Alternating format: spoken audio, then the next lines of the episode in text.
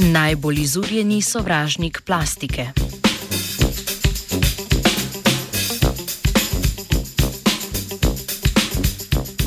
Skupina raziskovalk in raziskovalcev Univerze v Toulouse je prejšnji teden objavila članek v reviji Nature, v katerem lahko beremo o razvoju doslej najbolj učinkovitega encima za razgradnjo plastike na osnovne gradnike. Po uradnih poročilih naj bi svetovna letna proizvodnja plastike znašala okoli 359 milijonov ton. Od tega 150 do 200 milijonov ton pristane na raznih odlagališčih ali kje drugje v naravi. Poleg tega je veliko plastike uporabljene v tekstilni industriji in za proizvodnjo embalaže. Tako pa postane velik vir mikroplastike, ki jo zelo težko odstranimo iz okolja.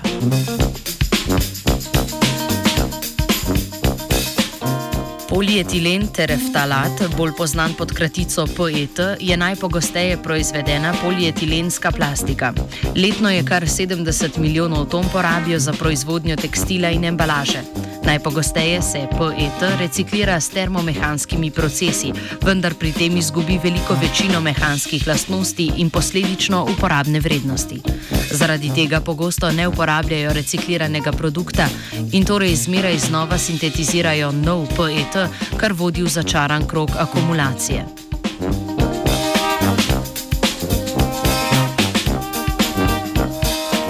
PET je polimer tereftalne kisline, ki je sestavljena iz aromatskega obroča, na katerega sta vezani dve karboksilni skupini. Prav zaradi velike vsebnosti aromatskih obročev ima polimer zelo rigidno strukturo, ki jo je težko razgraditi. Narava je razvila zelo učinkovite sisteme za tarčni napad na vezi, ki preko kisikov povezujejo prav monomere PET med sabo in jih tako sprostijo. Pravimo jim hidrolaze. Thank you. Raziskovalna skupina je uporabila encime hidrolaze. Ti sodelujejo pri kemijskem procesu hidrolize, pri katerem s pomočjo molekule vode pride do cepitve kovalentne vezi.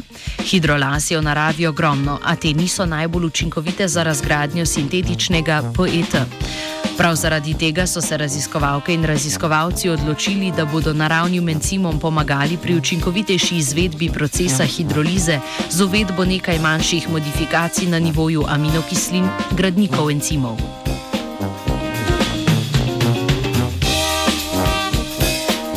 Potem, ko so ugotovili, da je hidrolaza iz bakterije Ideonela sakajensis hidrolaza z najvišjo aktivnostjo, so to izbrali za nadaljne poskuse. Pripravili so knjižnico encimov, tako da so na 11 mestih, ključnih za aktivnost hidrolaze in njeno vezavo na substrat, uvedli serijo mutacij. Tako so dobili knjižnico 209 variant. Da bi ustvarili čim bolj učinkovito obliko encima, so želeli izboljšati tako termostabilnost kot aktivnost izvornega proteina. Izvedli so serijo testov, s katerimi so postopoma izločili kandidate, dokler ni ostal najboljši. Thank you. Z izbrano hidrolazo so izvedli testi učinkovitosti, pri katerem so skupaj z drugimi splošnimi tehnikami predelave in reciklaže plastike dosegli 99,8% očiščenja tereftalne kisline. S to kislino so uspešno proizvedli nov PET, ki je imel primerljive lastnosti s tistim izdelanim iz nafte. Kot